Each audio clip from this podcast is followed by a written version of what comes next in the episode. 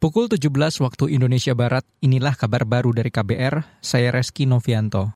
Komisi Pemberantasan Korupsi KPK menyelesaikan rangkaian penggeledahan di Makassar, Sulawesi Selatan dalam penyidikan kasus dugaan korupsi di Kementerian Pertanian. Juru bicara KPK Ali Fikri mengatakan, tim penyidik telah menyita sejumlah barang bukti dari penggeledahan rumah pribadi Menteri Pertanian Syahrul Yasin Limpo.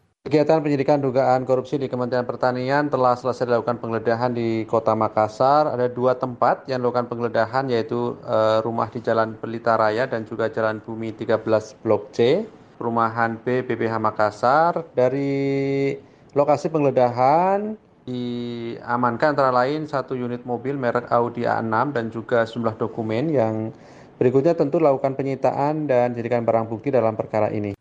Dalam kasus ini, Komisi Pemberantasan Korupsi KPK telah lebih dulu menyita sejumlah dokumen dan barang bukti elektronik.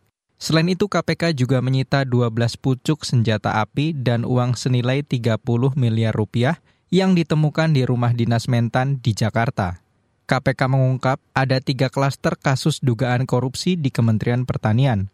Ketiga kasus itu meliputi dugaan pemerasan terhadap pejabat di Kementan, perbuatan melawan hukum hingga mutasi jabatan. Kita beralih ke lantai bursa. Indeks harga saham gabungan IHSG pada akhir perdagangan hari ini ditutup turun 11 poin atau 0,17 persen ke 6.874. Sebanyak lebih dari 270 saham naik, 260 saham turun, dan 200-an saham stagnan. Frekuensi saham ditransaksikan sebanyak 1,1 juta kali dengan total volume perdagangan 19 miliar saham senilai lebih dari 10 triliun rupiah. Sementara di pasar valuta asing, kurs atau nilai tukar rupiah hari ini bergerak menguat terhadap dolar Amerika.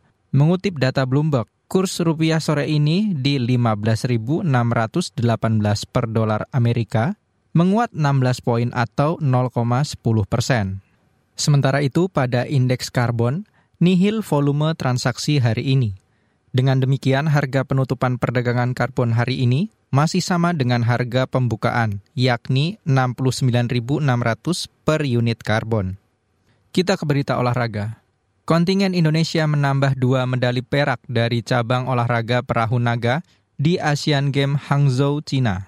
Pada cabang olahraga perahu naga, Dua medali perak disumbangkan oleh tim putra dan putri masing-masing pada kategori 500 meter.